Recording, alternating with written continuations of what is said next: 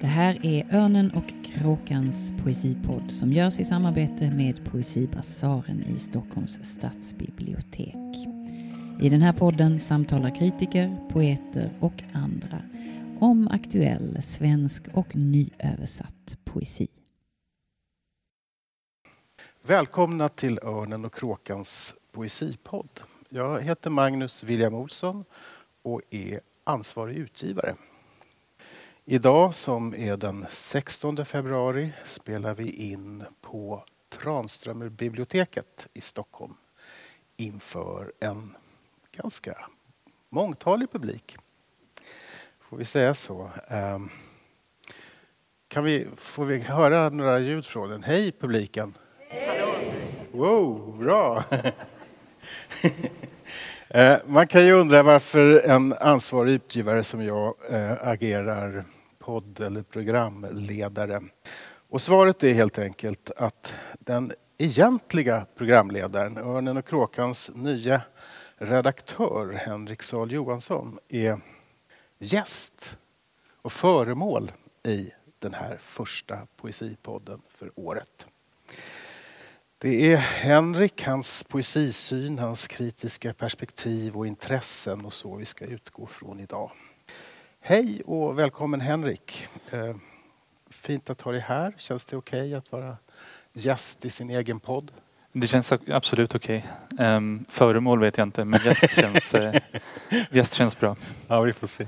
jag är ju uh, tillträdande så att man är väl gäst i början tror jag tills man är uh, hemmastad i sin nya roll. Just. Så det är väl ett, som vi konstaterade, ett väldigt trevligt sätt att få börja en sån här tjänst. Att få prata fritt om poesi helt mm. enkelt. Mm. Ja, men det, det, ser vi verkligen fram emot. Vi, du ska ju eh, vara redaktör under 2023 eh, för Örnen och kråkans ordinarie redaktör Edith Söderström eh, som är barnledig och här i publiken med får man kalla henne föremålet? föremålet. Orsaken till mm. barnledigheten, nämligen eh, nu fem veckors RUT välkom särskilt välkomna till er, får man väl säga. Men Örnen och kråkans eh, lyssnare eh, kommer att få höra mycket av dig, Henrik, framöver under året. Eh, och inför den här podden så har jag, eh, eller har vi tillsammans bestämt att du ska välja tre, tre dikter att tala utifrån. Eller tre texter. Mm. Eh, och berätta lite, vad är det för tre dikter du har valt eller tre texter? Ja, precis, tre texter. Eh, det var svårt faktiskt. Det är, som sagt det är väldigt lyxigt att få välja fritt ur poesihistorien men det är också eh, krångligt sådär. Man kan ju ta något man tycker väldigt mycket om. Men då blir det lätt lite sådär klyschigt. Men jag, jag valde tre texter nu som jag tyckte var bra att prata utifrån. Mm och eh, som är någon slags urmyter eller figurer kanske som kanske skulle kunna leda till ett samtal om eh, ja, poesins betydelse för mig personligen och för dig men också lite grann dagens, eh, dagens lyrik och vad, den, eh, vad vi ska ha den till var, den är på väg. Så. Och ändå är det tre texter som har några en del ja, några år på nacken. De är inte alls moderna på något sätt utan det är, dels ska jag läsa ur eh, Jobs bok i Bibeln. Um, och sen så ska jag läsa lite ur Rut Hillarp. Och slutligen så blir det Stagnelius. Som, uh, så vi hoppar lite i tiden också. Men Precis. ja, jag hoppas är, att de här möter här varandra nu, bra. Kan man säga. Det är, jag ska bara tänka på de där tre eh, texterna eller tre författarna så är de ju ganska olika men också ganska, finns kanske åtminstone Stagnelius och Rut Hillarp har ju absolut ett visst tycke kan man väl säga. Ja, men vad spännande. Men vi ska, vi ska göra så att vi läser de här texterna och så pratar vi utifrån dem och får vi se var vi hamnar.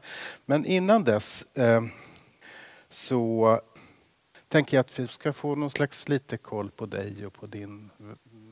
Jag ska inte göra här i ditt liv, men men eh, någonting om, helt enkelt berätt, kan du inte berätta lite om din egen väg in i, i litteraturen och poesin? Vi kan göra här i ditt liv också. Okay.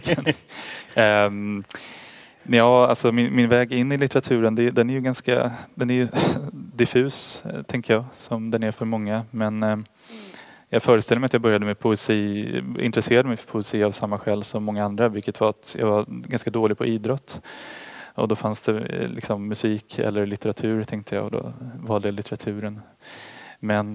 Var det liksom tonåren eller? Var det... Jo men det var tidiga, tidiga tonåren där någonstans. Började jag. Eh, kommer inte från en familj som var väldigt läsande på så vis. Eh, det fanns böcker hemma förstås men eh, någonstans Ja, jag började leta mig in i litteraturen på egen hand sådär och eh, Ja, jag har, jag har ett tydligt minne av att jag, jag började läsa William Blake och sådana. För jag började med liksom med klassikerna i sådana lättlästa versioner. Men sen så helt plötsligt så kom jag på att jag skulle börja läsa eh, William Blake och de gamla engelska diktarna. Och jag kunde inte engelska så det var ingen eh, bra idé på så vis. Men på något sätt så, jag läste ändå de här poeterna och eh, liksom lärde mig efterhand engelska och tyckte att det var väldigt, väldigt bra. Och sen under den där perioden så kommer jag ihåg att jag fick en bok eh, i present av min mamma eller något sånt. Jag kanske var 12. Eh, och det var mm, en bok om vikingar skriven av eh, en författare som jag kanske inte ska nämna. Men jag, jag började läsa den och tyckte det var så otroligt dåligt. Och då fattade jag någonstans att jag kanske det var där liksom litteraturkritiska banan började. Mm. Att jag hade mina egna intressen var eh, inte bättre kanske men ja, jag hade lite jag hade en, en egen vilja inför litteraturen. Omdöme. Ett omdöme, ett kritiskt omdöme kanske. Mm. Eh, och, och, sen så liksom var det på den vägen. Och, mm. eh, I vuxen ålder så sökte jag mig nog bort från litteraturen ganska mycket. Jag... Skrev du själv också? Jo, mm. ja, lite grann. Eh, inte fasansfullt mycket men jag, men jag liksom vävdes nog in i den här tidiga internetrörelsen. Alltså när internet kom så um, var, det var inte bara kanske poesi just på internet i början men det var, det var en hel del sådana forum som öppnades och där man kunde läsa och ge, liksom ge tankar till varandra. Mm. Så där tror jag att jag välvdes in och skrev en del och läste ganska mycket. Um, men uh, sen sökte jag mig bort från det där tror jag under gymnasiet, läste naturvetenskap och sen på universitetet så läste jag en statsvetarutbildning, en POL-MAG. Mm. Men så på något sätt så drogs jag tillbaka in i den här, mm. det är klart att jag läste och skrev under hela den här tiden men mm. jag drogs liksom tillbaka in, in i litteraturens värld via, via journalistiken och eh, ja, även litteraturvetenskapen som jag läste. Så eh, mot min vilja så började jag skriva kritik och mm. sen har jag fortsatt med det. Mm på, för Svenska Dagbladet där jag började skriva mm. för, ja, har det? Tio år? Tio år sedan, ganska mm. exakt. Ja. Mm. Har du också, finns det liksom det kritiska skrivandet och, och så, har du också ett skönlitterärt, liksom, är det är det, finns det i din i ditt, ja, vad du vill med ditt liv och dig själv och ditt Ja men det finns det hos, ja. hos alla tror jag. Det, det, är dumt att förneka det. Mm. Man, man, eh, det är svårt att inte få idéer när man läser mycket. Mm. Och det är ju fasansfullt roligt att skriva skönlitteratur. Men mm. Som litteraturkritiker tycker jag också att det finns något slags ideal om att inte mm. kanske publicera skönlitteratur. Det är okej okay, tycker jag. Men mm. det finns, no, finns någon slags autonomi mm. i att vara kritiker och inte eh, inte publicera sig. Jag fick frågan innan samtalet här hur många böcker jag har gett ut. Jag sa noll. Mm. men det, men det, det, finns kanske någon slags fördel i att, eh, att också stå utanför lite grann. Ja, mm. det är klart. Det kan göra. Eh, men, och då, men om jag får ett förlagskontrakt så säger jag ja. Då gör så, du det? Ja, absolut. att om det är någon som har ett förskott? Ja, det, det, är inte så att jag, jag vill inte stöta bort någon eventuell förläggare som råkar vara här. Nej, vi, vi, vi, det tar vi till oss alla. Eh, och då, man kan väl också säga att ditt kritiska skrivande har en, att, inte, att du inte gör en jättedistinkt skillnad mellan det litterära och det kritiska. Mm. Jag menar, det finns ju också, eller hur, tänker du över det? Ja, nej, nej absolut. Jag, kritiken är en, för mig en konstform mm. när den är som bäst och eh, den ska läsas för, för sin egen skull på något vis. Mm. Eh, det är klart att kritiken kämpar ju alltid med utrymmet och mm.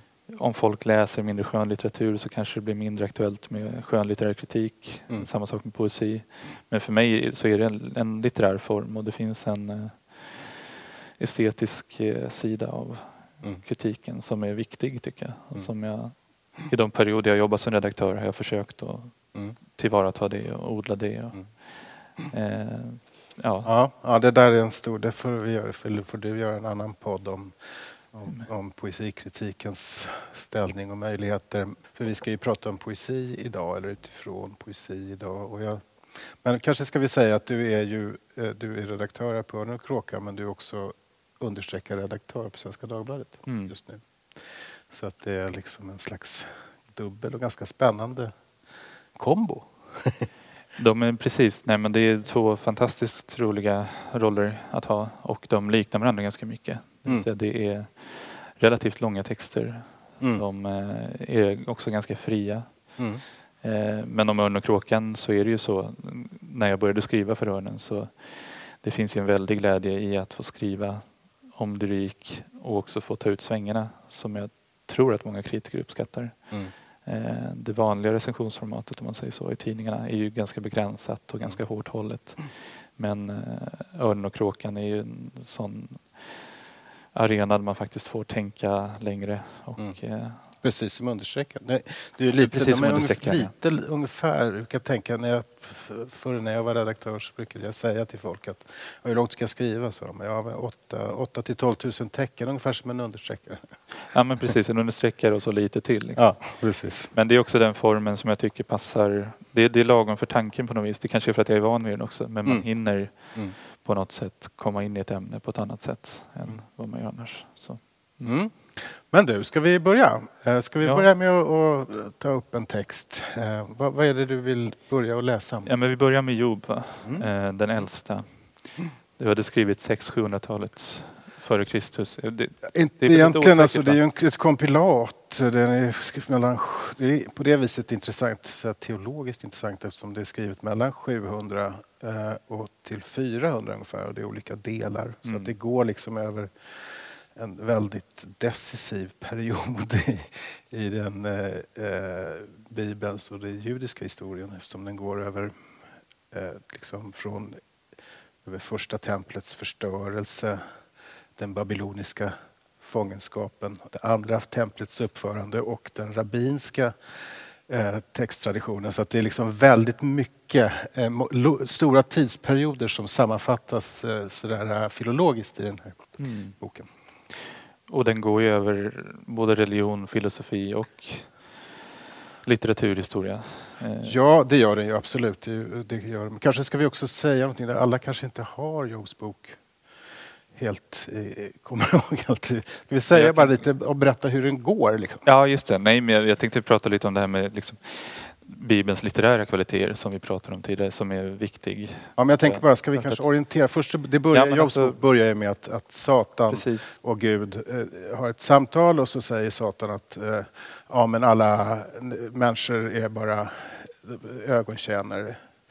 Eh, och, eh, och Gud säger att, jag tittar till exempel på, din, på jobb, säger, säger Satan. Eh, och han, han, han är ju så rättfärdig bara för att han har det så jävla bra.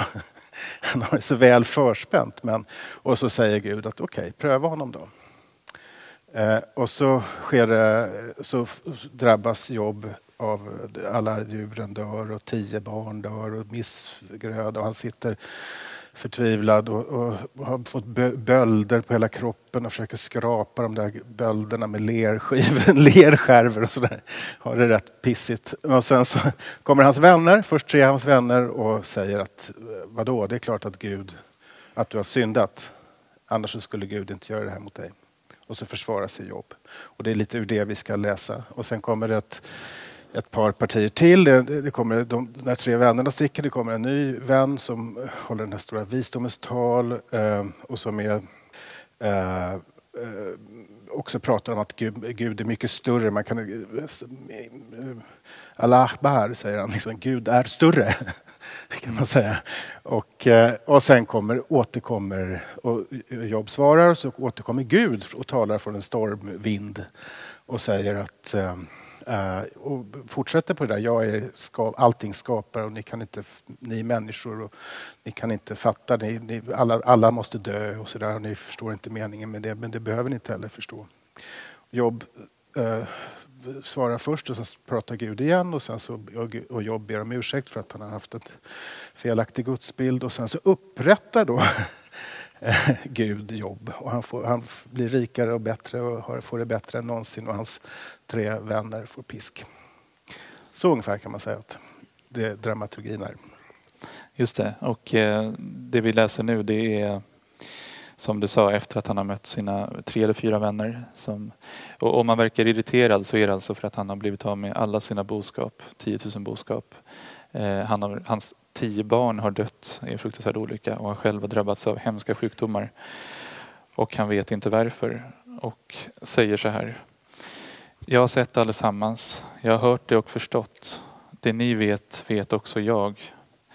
Jag är inte dummare än ni, men nu vill jag vända mig till den väldige. Jag tänker försvara mig inför Gud. Ni ljuger och skönmålar. Kvacksalvare är vad ni är. Åh, om ni ville tiga. Det vore det klokaste ni kunde göra.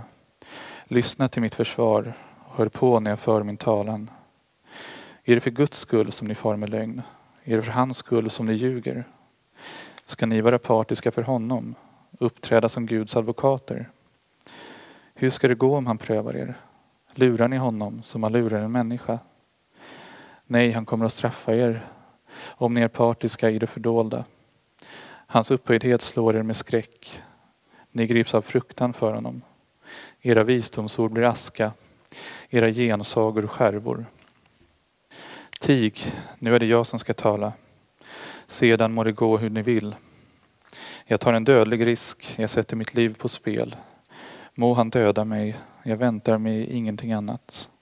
Jag vill ändå försvara mig inför honom. Redan det borde bli min räddning, ty en gudlös skulle inte träda fram inför honom. Hör på vad jag säger, lyssna på mina ord. Jag lägger nu fram min sak och jag vet att jag har rätt. Kan någon överbevisa mig, då ska jag tiga och dö. Blott två ting måste du skona mig för, så att jag slipper gömma mig för dig. Ta din tunga hand från mig och låt skräcken för dig släppa. För din talan så ska jag svara, eller ge mig ordet och bemöt mig sen. Hur många är mina brott och synder? Vad ont har jag gjort? Låt mig veta mitt brott.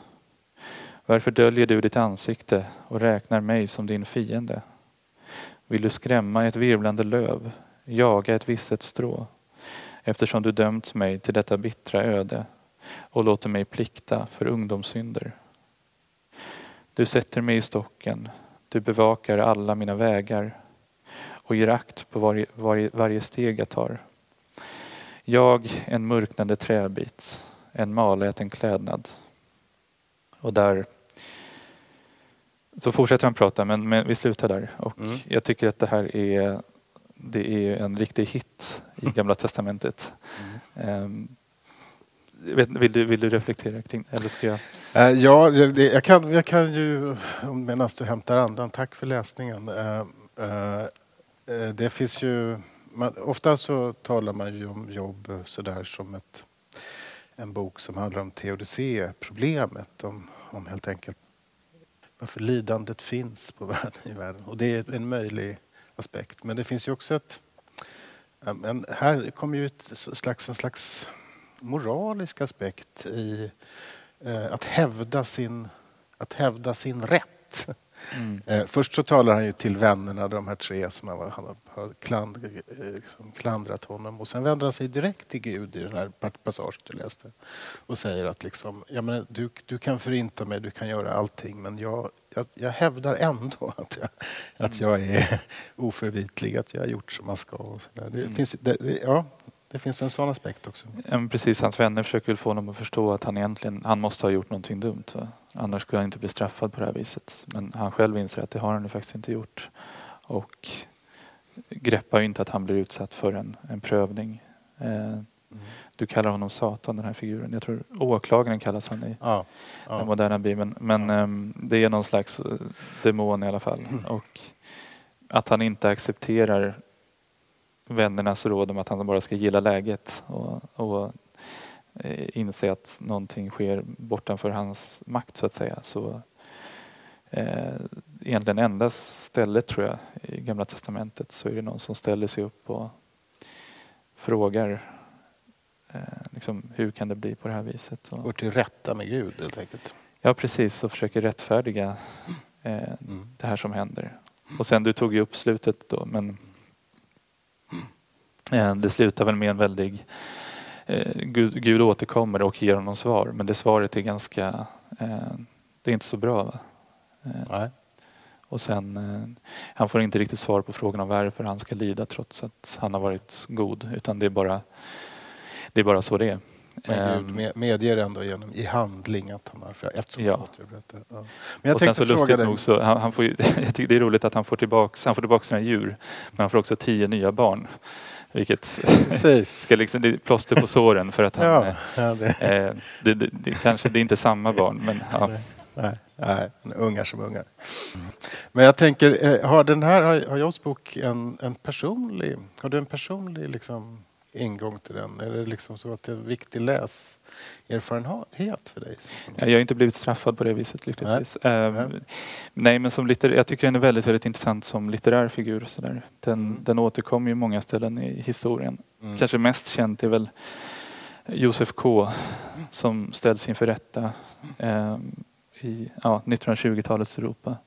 Kafkas för alla som Kafkas processen och, och han uh, vet inte varför han ställs till rätta. Mm, och han försöker få reda på det här då, genom att fråga sin åklagare men får inget bra svar och hans kamrater råder honom att bara följa lagen. Um, och det är väl ett... Eh, det är ju något slags... Det är en, en, jakt på förståelse som löper genom litteraturhistorien och som jag förknippar litteratur med ganska mycket. Och även mm. och med litteratur menar jag både poesi och skönlitteratur mm. men mm. kanske framförallt poesi på något vis. Att inte greppa idén om teodicéproblemet i sig, för den, den har sin egen del. Men att mm. lyckas nyansera och få svar på varför, varför saker sker med oss och varför, varför mm. livet tar en viss väg. Varför vi upplever lidande och glädje.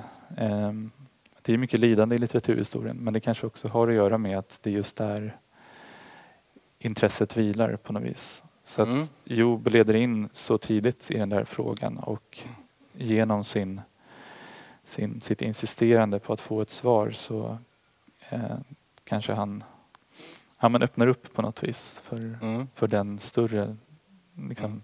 fråga i litteraturen som sen präglar. Men du, du kopplar det som du säger till förståelse. Nu, nu, det är två saker. Lidande är ju på ett sätt ett, en erfarenhet som är eh, som, som man inte kan greppa. Det, det, är ju centralt i den kristna traditionen där Kristi lidande är själva eh, idén om, om, om förståelse. Att man, att man kan inte förstå Kristi lidande eller, eller Guds eller eh, Jesus gudomliga natur. Men man kan förstå lidandet för att man kan lida själv. Där finns det ju, eh, i, i, i, ta, finns det ju extrema eh, ska vi säga, hermeneutiska akter som tolkningsakter. Franciscus var det 1221. Han läser Bibeln så intensivt så att han faktiskt får sår, spikarna i sin egen kropp. Det är en slags förståelse mm. genom lidande. Men hur tänker du över det där med förståelsen i jobb? Det finns en, Alda Merini har skrivit väldigt fint om mm. Eh, Franciscus, på tal om honom. Men hur jag tänker på lidande eller ja, på förståelse? Nej, jag tänker på den, du kopplade Jobs bok till, till förståelse, idén om förståelse. Ja, nej men precis. Eh, just lyrik framförallt, det ju, handlar ju på något märkligt sätt om förståelse. Mm. Eh, men det är inte den förståelsen som är förståelse som vi tänker oss det i vardaglig mening tror jag. Mm. Jag pratade lite om Blake när jag läste honom när jag var liten och inte fattade ett dyft. Varken liksom språket eller vad han ville säga med sina dikter. Men eh, på något sätt så fortsatte jag läsa. Mm. För att det var, det, var, det var någonting i, i akten eller i språket ändå som gav mig någonting. Mm. Och det, alla som tycker om poesi kan då känna igen sig i det att man mm. Så är det fortfarande idag när jag läser dikter. Jag fattar ju nästan ingenting av dem. Nej. Men jag läser dem ändå. Um, har det med själva läsakten att göra, tänker du? Att det liksom är, bortsett från att, nu kan man ju tycka att alla texter i en mening är obegripliga. Nästan alla texter. Men, men, men att, att just den, att lyriken ändå har en särskild läsakt, att man ska, måste känna efter sig, man måste läsa högt, kanske ljuda. Hur tänker du över det? Jo, absolut, så är det nog. Men också att det finns en annan typ av förståelse möjligtvis. En slags förståelse som är mycket mer eh, undanglidande. Eh, mm. Alltså man kan förstå, förstå sig på en dikt eller förstå sig på en bok utan att kunna sätta ord på vad man förstår. Mm. Och i den där liksom oförståelsens förståelse så finns det någonting som är väldigt lockande. Mm. Som är det som jag tror slår an hos många och som gör att vi också fortsätter läsa dikter och skriva dikter. Mm. Men så väl också är, är knepigt för kritikern. För hur ska man om man nu inte kan eh, eh, ska säga, översätta den där erfarenheten, förståelseerfarenheten, hur ska man liksom kunna berätta om den i, i kritisk text och kritisera den kanske? Absolut. Nej, men jag tror att det handlar om att liksom fixera den där punkten av oförståelse på något vis. Det, naturligtvis så finns det ju saker att, saker att greppa i en text i, i lyrik och det finns eh, olika typer av liksom, läsningar av dem. Mm. Men den kommer aldrig bli fullständigt lexikal som, ja, men om man, jag vet inte om man jämför med en typ eh, instruktionsbok som man läser när ugnen går sönder eller något sånt. Eh, om man försöker läsa den på tyska, om man inte kan tyska, mm. vilket jag testade någon gång när det mm. enda jag hittade. Det, det gick inte alls bra liksom. Det, jag lyckades inte laga min ugn. Så att, men sen när jag väl hittade den svenska instruktionsboken så gick det mycket bättre för att jag då hade en lexikal förståelse. Men om jag jämför med igår, jag var på en, en läsning med Mircea Cartarescu och hörde honom läsa sin bok på rumänska som jag inte alls pratar. Och det tyckte jag var otroligt vackert trots mm. att jag inte förstod ett dyft. Så att mm. I litteraturen så finns det en annan typ av förståelse eller mm. varseblivning som eh, är meningsfull. Absolut, och det, det håller jag verkligen med om. Mm. Du, ska vi, ska vi gå vidare med nästa text? Ja, vi kan ta upp den här diskussionen. Men vi, vi, det är väldigt spännande. Men... Ja, det är verkligen. Vi, men vi får anledning, den, den är ju är universell så att den gäller också för, för nästa text. Um, berätta, vad är det du, uh, vad är det du väljer här? Här är det Ruth Hillarp, den svenska poeten, som uh, det bättre. Hon debuterade på 50-talet. 40-talet. 46 debuterade hon. hon Med Solens brunn, ja precis. Just det. Ska vi säga någonting om henne innan eller vill du läsa först? Du kanske vill säga något? Du... Jag kan göra det. Men det här, eh, hon debuterade 46 och är central i det som kallas den, liksom, den inre kretsen av 40-talister.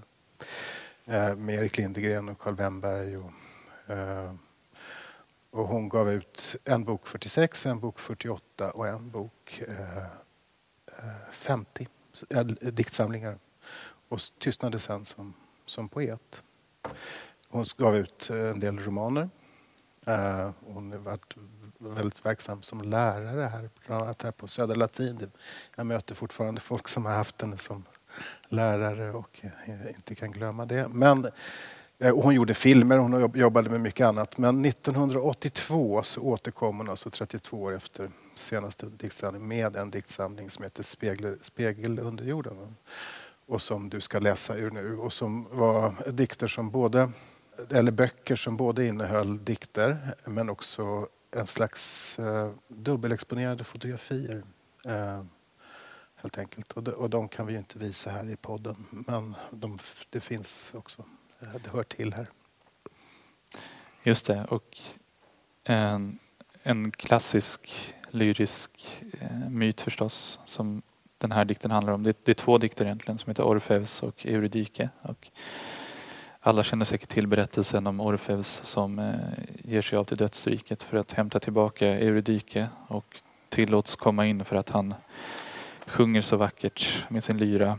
Eh, och får ta med sig Eurydike upp därifrån på ett villkor och det är att han inte vänder sig om för att titta efter henne. Men eh, precis när han ska nå upp till de levandes rike så börjar han undra om det inte är så att de har lurat honom så han måste vända sig om för att se efter Eurydike. Och i samma stund som han får syn på henne så försvinner hon tillbaka ner i underjorden.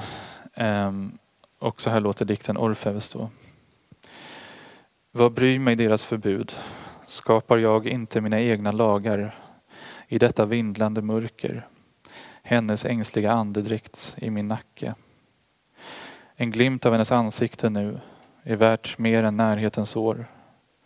Åren med hennes ansikte i dörrposten. Nu se hennes ögon vidgas i ett ögonblick av evighet. Hennes smala lemmar i hopp och förtvivlan. I tusen sånger ska jag älska henne. Och då dikten som heter Euridike lyder så här. Instängd, instängd, jag hör mitt blod bultar i väggarna, ropar efter en dörr. Men här finns inga dörrar, inga fönster och inget tak. Bara väggar, väggar, krympande, hårdnande. Var finns jag? I vilket rum? Är detta hans hjärta?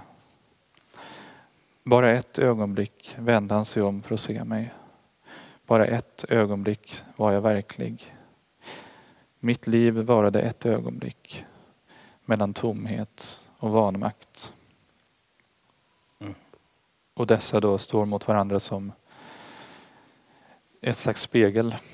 Eh, två röster som talar. Titeln på, på samlingen Spegel under jorden mm. tänker jag mig också kan härröra från Rut Hillarps sätt att spegla sig i, i eh, den antika mytologin så att säga. Mm. Men den här är ju väldigt, väldigt snygg tycker jag. Eh, och eh, på tal om förståelse då så är det också en, en, en dikt som förändrades lite hos mig eh, mm. med, med, med åren. Så där. Jag, jag läste den då från början som ett slags eh, Orfeus försvar att få, få lite som Job då resa sig mot gudarna och eh, liksom försvara sitt eget öde och i förlängningen kanske diktens rätt att, eller diktarens rätt att få föra sin egen talan mm. och få höras med sin egen röst. Och eh, det, det, är möjligt att den är det också men det slog mig efterhand att förstås så är det ju Eurydike som protesterar mot det faktum att hon får bli till i ett endast ögonblick. Mm. Hon tillfredsställer betraktaren och betalar för det med sitt liv. Mm. Mm. Och det är ju, jag menar, det, eh, själva Orfeus-myten är ju en det är ju en sån otroligt... Eh, Orfeus är ju eh, liksom själva prototypen för en nepo baby. Därför att hans farsa var ju Apollon och hans mamma, alltså diktarkonstens gud och hans mamma var Kalliope som är diktens musa. Så att eh, snacka om högt kulturella föräldrar.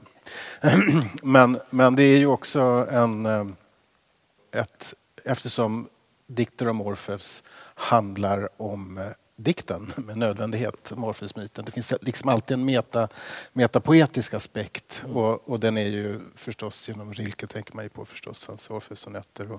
Det, det är ju under hela modernismen eh, och romantiken modernismen, säga, ett tema som diktare efter diktare återkommer och återkommer till när de vill eh, tala om poesin, om det lyriska. Eh, Orfeus får ju lyran, han spelar ju lyra och han får ju den av, sin, av Apollon i myten. Eh, och också förstås den här katabasis, nedstigningen i underjorden för att mm. Det, finns, det, är liksom, det är på ett sätt en, eh, en, en dikt det är oundvikligt att man pratar om diktandet när man skriver om myten på något sätt.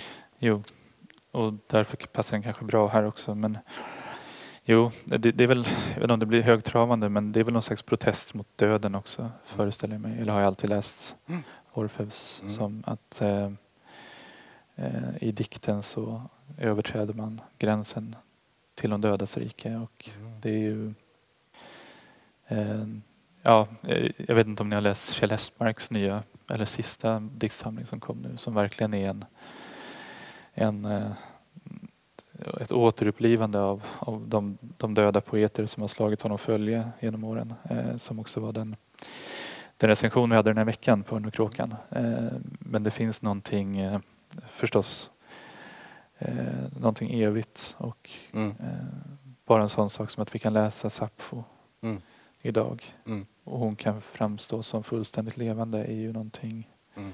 eh, skrämmande men också behagligt. Mm, det får man säga. Och det finns ju, jag tänker på Maurice Blanchots eh, över essä som just knyter diktandet till döden. Som jag tror att Rut säkert hade läst. Eh, men jag tänker på att den här dikten i, i de klassiska Orfeusdikterna, också hos Ovidius som ju många hämtar ifrån, även om Orfeusmyten finns i många antika dikter. Men där är ju Eurydike, eller Eurydike, är ju liksom hela tiden en, ett objekt mm. för liksom det, det, här. Men det gör ju Rut. Men också en gäst. En gäst förstås, mm. Eh, det får man ju säga. Men det gör väl och det, det, det förändrar väl Rut Hillarp i den här dikten? Eller? Absolut. Ja. Och det var det precis det är den läsningen som säkert är den korrekta. Hon har ju sin eh, feministiska liksom, omvälvande syn på, eller då var den väl ganska omvälvande på, mm. på äktenskapet, på kvinnlig kärlek, på manlig kärlek. Så, mm. men, men för all del kan man kanske läsa den som ett försvar av bägges roller. Va? Mm. Eh, Orfeus som ifrågasätter den övre makten och Eurydike som ifrågasätter liksom den makt som Orfeus uppenbarligen får över henne mm. i hennes eh, livsögonblick eller, mm. eller så. Får jag, eh, eh Rut Hillarp, några är kanske tillräckligt gamla för att ha hört henne. Rut Hillarp läste alltid sina dikter två gånger. Eh, som princip högt. Kan du inte läsa den en gång till? Ska jag läsa hela en gång till? Ja, ja men det kanske är bra. Precis. Um, Orfeus. Vad bryr mig deras förbud? Skapar jag inte mina egna lagar i detta vindlande mörker? Hennes ängsliga andedräkt i min nacke.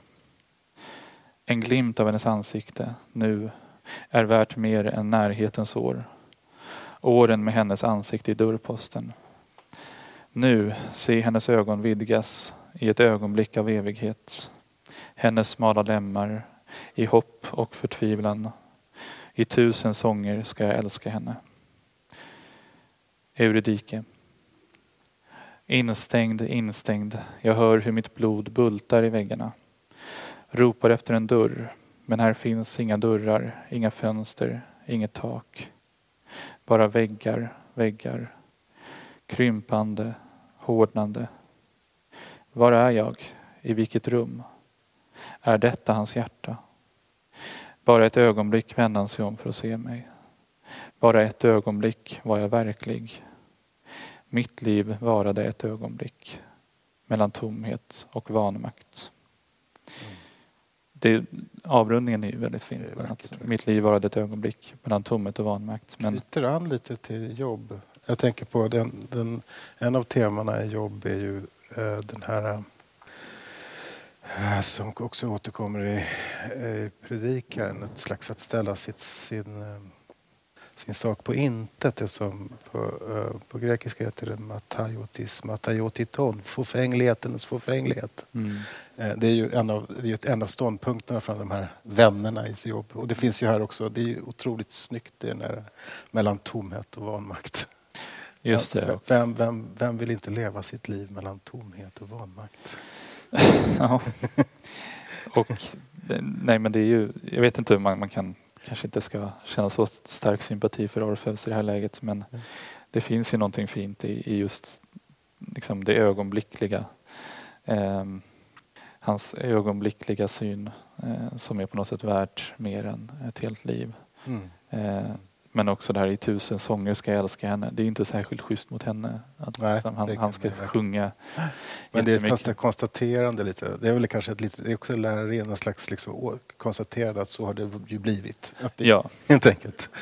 Men den här, det ska också, den här fick ju mig, får också mig att tänka på en av de liksom, stoiska filosofiska skolorna som är lite okänd men som kallas kyrenaikerna som en väldigt den, den, slog aldrig igenom i Grekland men det fanns några sådana här kyrenaiker som var liksom eh, jag brukar tänka på dem ibland för de var sådana ultra, ultrahedonister. Eh, de, hade, de var otroligt skeptiska till, till verklighetens eh, beständighet kan man säga och, och att perceptionen, alltså det vi såg och hörde och kände, att det var kopplat till någonting verkligt.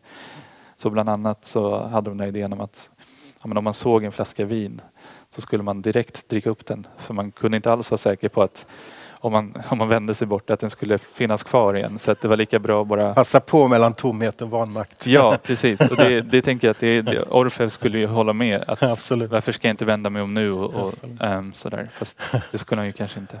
En fin, fin ja, Jag tänker på, kanske ska vi, har vi, eh, nu har vi Jobs bok, jag kan inte på mig, alltså Orfeusmyten kommer ju ganska har ju behandlats en hel del i senare diktning. Jag tror till exempel att Malte Persson tar upp det i sin Underjorden. Mm. Eh, Lotta Olsson skrev en hel sonettcykel för 20 år sedan kanske det är nu, men mm. en, eh, en krans om Orfeus. Och, och, och, hur är det med jobb? Alltså, eh, är det inte så att Lyra, då hette hon väl Koli, men nu heter hon igen Lindbäck någonting.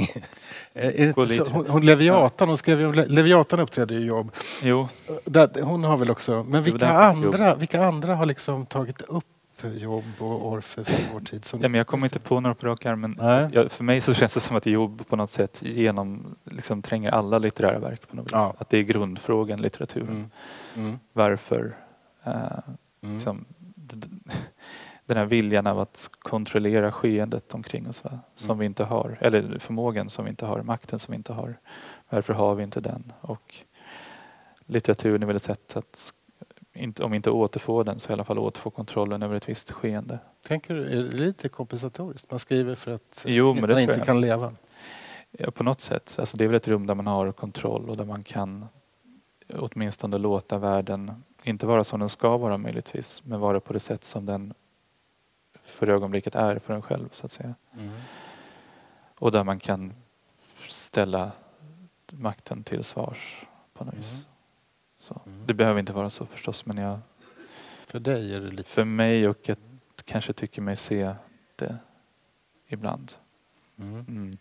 Annars tänker jag mest på litteraturen som någon slags eh, minnesverksamhet också. Men, men det, jag vet inte om vi hinner prata om det. Eh, det, det, är en stor fråga. Stort, stort ämne mm. verkligen. Mm. Eh, men eh, tiden går ju, så ska vi gå på den tredje dikten då? Absolut. Och då har vi ytterligare en klassisk myt som är myten om Narcissus. Och det är Stagnelius, Stagnelius dikt eh, Narcissus. Eh, som jag ska ta upp här. Du nämnde Ovidius metamorfoser och du kan Stagnelius bättre än jag men som jag förstår det så skrev han Narcissus under en tid då han var väldigt influerad av metamorfoserna. Jag tror att den är skriven, det är ju, den är ju en efterlämnad dikt eh, och eh, jag tror att den är, det är någon som har daterat den till till 1815 vet jag. Mm. Eh, och, och, det är väl rimligt, då skrev man ju en hel del andra sonetter. Och det, det är ju, I år är det Stagnelius dog ju 1823 så att det är 200 års jubileum i år. Det är fint att få läsa. Men här är han 22 år gammal, 1815 mm. och han har återvänt från Uppsala tror jag för att arbeta i Stockholm. Och därifrån är Narcissus som lyder så här. Narcissus gick att släcka törstens brånad i källans tysta spegelklara våg. Sin egen skuggbild han i vattnet såg och intog genast av en mystisk trånad. Från glädjen skild i livets blomstermånad med våta kinder och förvirrad håg. Vid källans spegel suckande han låg och snart till ände löpte parkens spånad. Ej ärans lager blomstrat i hans hår. Han gladdes aldrig i en krets av vänner och ingen flicka kysste bort hans hår, tår. Förlåt. Veden vars själ sin egen gudom känner och idealets verklighet begär. För honom jorden inga rosor bär. um. Ska vi ta de där? Det är några ord där som är så. Det ena är brånad som betyder liksom begär, br, liksom, erotiskt färgat kan man väl säga. Men det andra det får du ta parkens spånad. Det är det ju ingen i världen som fattar nu för tiden. Ja men just det, spåna det är något som man har spunnit. Det är spunnit. Eh, och, och parken är en av, en av gudinnorna. Ödesgudinna. Eh, precis. Arserna. Just det. Som spinner livets tråd. Så det är det som är. Det är, inte, det är helt enkelt inte parken utanför utan det, det är mm, precis. spinnerskan, ödesspinnerskans tråd. Um, den här kan man ju läsa inte minst för att det är en väldigt snygg sonett förstås. Um, jag hoppas jag gjorde den rättvisa. Mm. Uh, den kan läsas bättre men, men den är ju också en uh, en återkomst till Narkissos-myten mm. som är väldigt snygg. Och, mm. eh, jag har läst den som en ren, ren liksom modernisering av Narkissos mm. i den här, ja, men i romantikens storhetstid så eh, försöker Stagnelius, och det, det, är verkligen bara mina tankar, men upprätta någon slags skillnad mellan idealvärld och eh, verklighet. Mm. Och Narcissus är på något sätt den som förlorar sig i en värld som bara är fantasi och ideal och eh, mm. får inga vänner. Anknyter inte det här till din tanke här om, om dikten och som du nyss uttalade när vi pratade om den förra dikten innan eh, som handlar om, om verkligheten och dikten och att, att, eh, att dikten kan göra det som inte dikten är ett, ett, sätt att kunna leva sitt liv kontrollerat tills man inte kan göra annat. Finns det inte en jo. relation där mellan idé och, och faktum eller något sånt där som är likt, tangerar det här? Jo, det finns så det. Va? Mm. Frågan är bara vad. Mm. Men eh, jag tänker väl att dels skulle man ju också, om, om uppror är, är temat i alla de här tre dikterna så skulle man eventuellt kunna läsa in någon slags uppror mot en alltför fjärmad litteraturvärld. En litteratur mm. som vänder sig bort från världen. Mm. Eh, som man skulle kunna anklaga många romantiker för. Men som, som gör idéer av, eh, av verkligheten och, mm. och vänder sig ifrån att det finns mm. riktiga människor, riktiga lidande människor. Mm. Riktiga eh, maktapparater som plågar sina undersåtar likt, likt Job. Skulle du, skulle du säga att, eh, att vår tid eh, rymmer den? Alltså, hur, hur tänker om Det här är en stor fråga, du måste inte vara Nej, men jag tror utan, men kan... så här, men om, hur skulle du, om, du, om man identifierar eh, poesin eller diktandet med uppror i, i olika mening, hur, hur tänker du? Hur, hur kan en poet eller en dikt vara upprorisk idag? På, på många sätt förstås, men det, det, är en intressant fråga. Det, det slog mig jag har ägnat mig åt arbetet med att läsa igenom fjolårets poesi eh, för en, för en essä. Och när man gör det så får man på något sätt någon slags övergriplig syn förstås på ungefär vartåt vindarna blåser. Och jag säger absolut inte det som en generell sanning om poesi på svenska idag för det finns ingen generell sanning om poesi på svenska tror jag. Men, men någonting som har slagit mig de senaste åren, eller senaste decenniet, det är att det har skett någon slags väldigt intressant metafysisk vändning från att den, diktjaget, den som skriver, är den som rör sig genom världen till att det är snarare världen som rör sig genom den som skriver. Och det, det låter fruktansvärt abstrakt kanske. Mm. Men i det, och jag, jag, säger inte det med någon slags värdering som att det vore fel, men jag tycker ändå att det är spännande att den egna kroppen har blivit väldigt viktig. Alltså mm. att det är den egna kroppen som världen strömmar igenom på något sätt. Är det snarare, om, då tänker jag, är det den egna kroppen till exempel till skillnad från den inre personen, den, det inre livet, själen? Ja, precis. Ja. En sån, en sån uh, gräns tror jag man kan mm. läsa in där också. Att, att jaget består inte bara av liksom ens tankevärld eller ens blick eller ens ens sinnesrörelser utan att det finns en rent fysisk gräns mot omvärlden. Slags kroppslig fysisk Ja, en kroppslig närvaro men som också kan vara lite genomsläppig. Alltså att mm. Mm. Man kan, det är som att kroppen kan övergå i, i omgivningen på olika sätt. Mm. Men att, För är det inte just det som Narcissus eh, spel eller förtrollning handlar om. Att, eh, så att säga, han kan inte frigöra, han, han ser sin kropp speglad. Och han, han har inte ett, in, ett eget inre som skulle kunna häva förtrollningen utan han, han fastnar i den relationella, det kroppsligt relationella. Jo, precis. Ingen gudom i själen. Nej, precis. Um, Jo, och det var nog därför jag tänkte att det var intressant. Jag kom att tänka på den när jag liksom började tänka på jaget på det här sättet. Att eh, det är en ren kroppslig relation han har till sig själv. Och ofta tycker jag att dikt, det är många dikter där människor tycks, eller diktare ser på världen och på något sätt skådar sig själva. Va? Och det är väldigt mm. intressant. Det, det, är inte nödvändigtvis fel, det, det är ett perspektiv bara.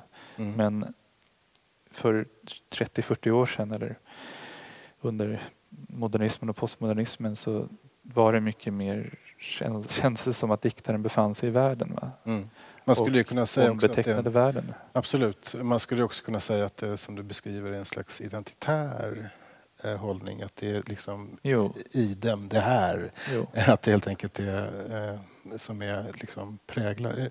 Eh, tycker du, de här eh, eh, narcissism är ju ett liksom, begrepp i tiden och många talar om vår tid som narcissistisk eh, och kan man kanske se i, i, som uttryck, litterära uttryck att man självframställningen är så dominant i våra liv, framförallt på sociala medier och sådär. Men också i litteraturen, eh, i, eh, i alla möjliga självbiografiska och autofiktiva och allt vad det heter, genrer. Ser du, ser du att att narcissismen är ett moment i samtiden som spelar in i den samtida poesin och dess villkor kanske? Jo, delvis, absolut. Mm. Um, jag tror man ska vara lite försiktig med att alltså, påföra psykoanalytiska idéer exempelvis på, på författartrender och sådär. Um, jag tror också att man ska kanske vara lite försiktig med att rent analogt göra kopplingen mellan sociala medier och en tilltagande vilja att eh, skildra sitt eget liv. All litteratur är väl i någon mån en skildring av sitt själv eller sitt, mm. sitt jag. Men det är klart att det, det har funnits, det, det, har, eh, det har blivit enklare kanske att, att vara att vara publik i litteraturen, att vara eh, publik med sin historia. Mm.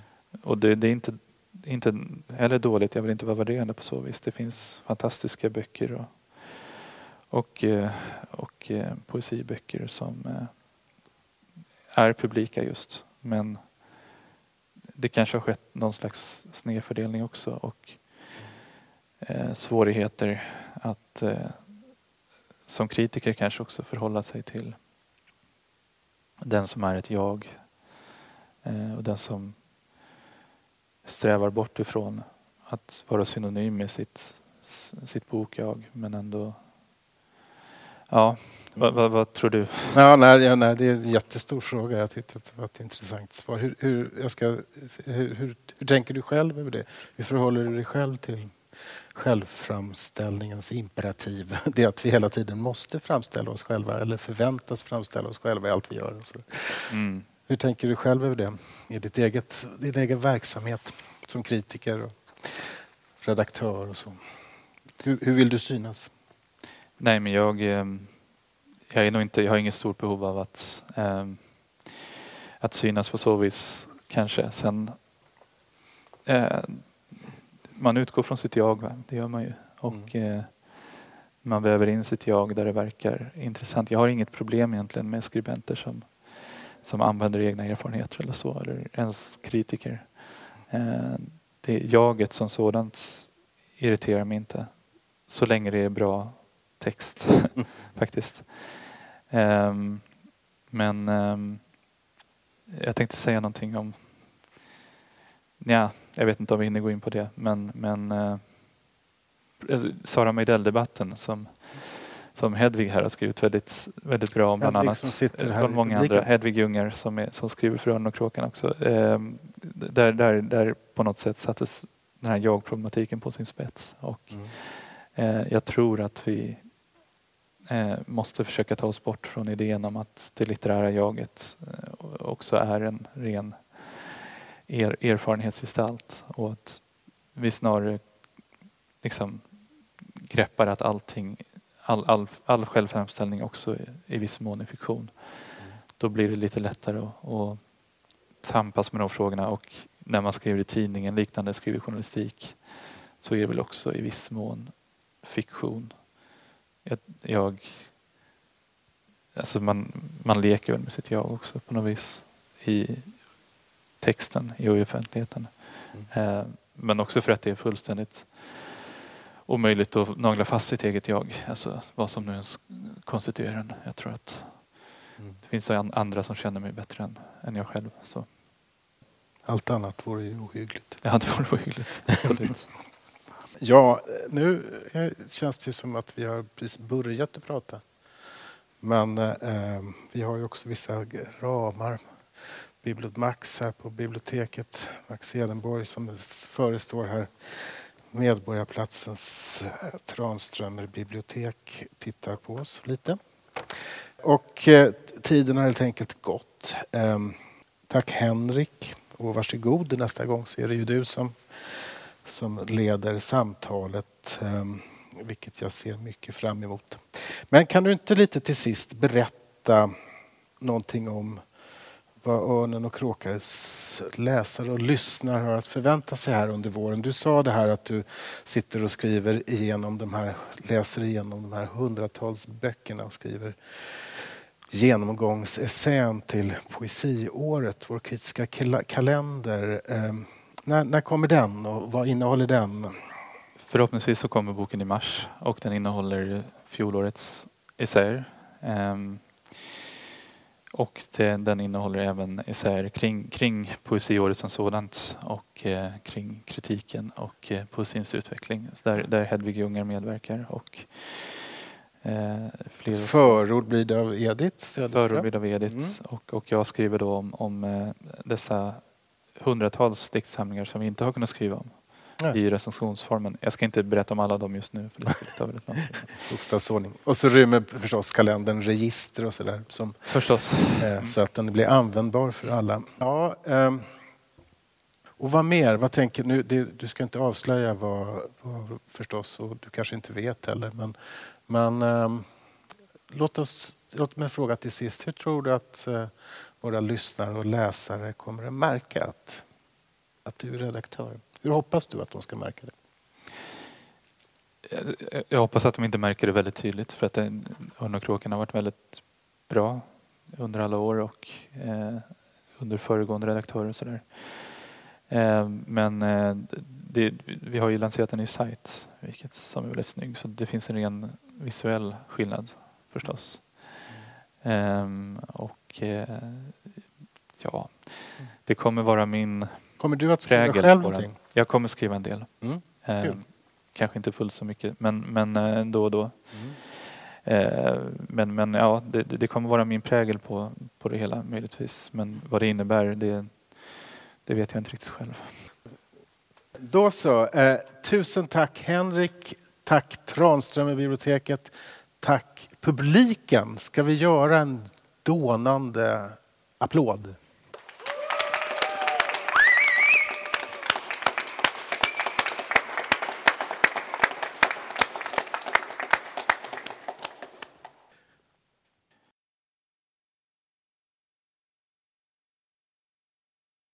Du har lyssnat till Örnen och kråkans poesipodd. Läs mycket mer om aktuell poesi på ornenochkrakan.se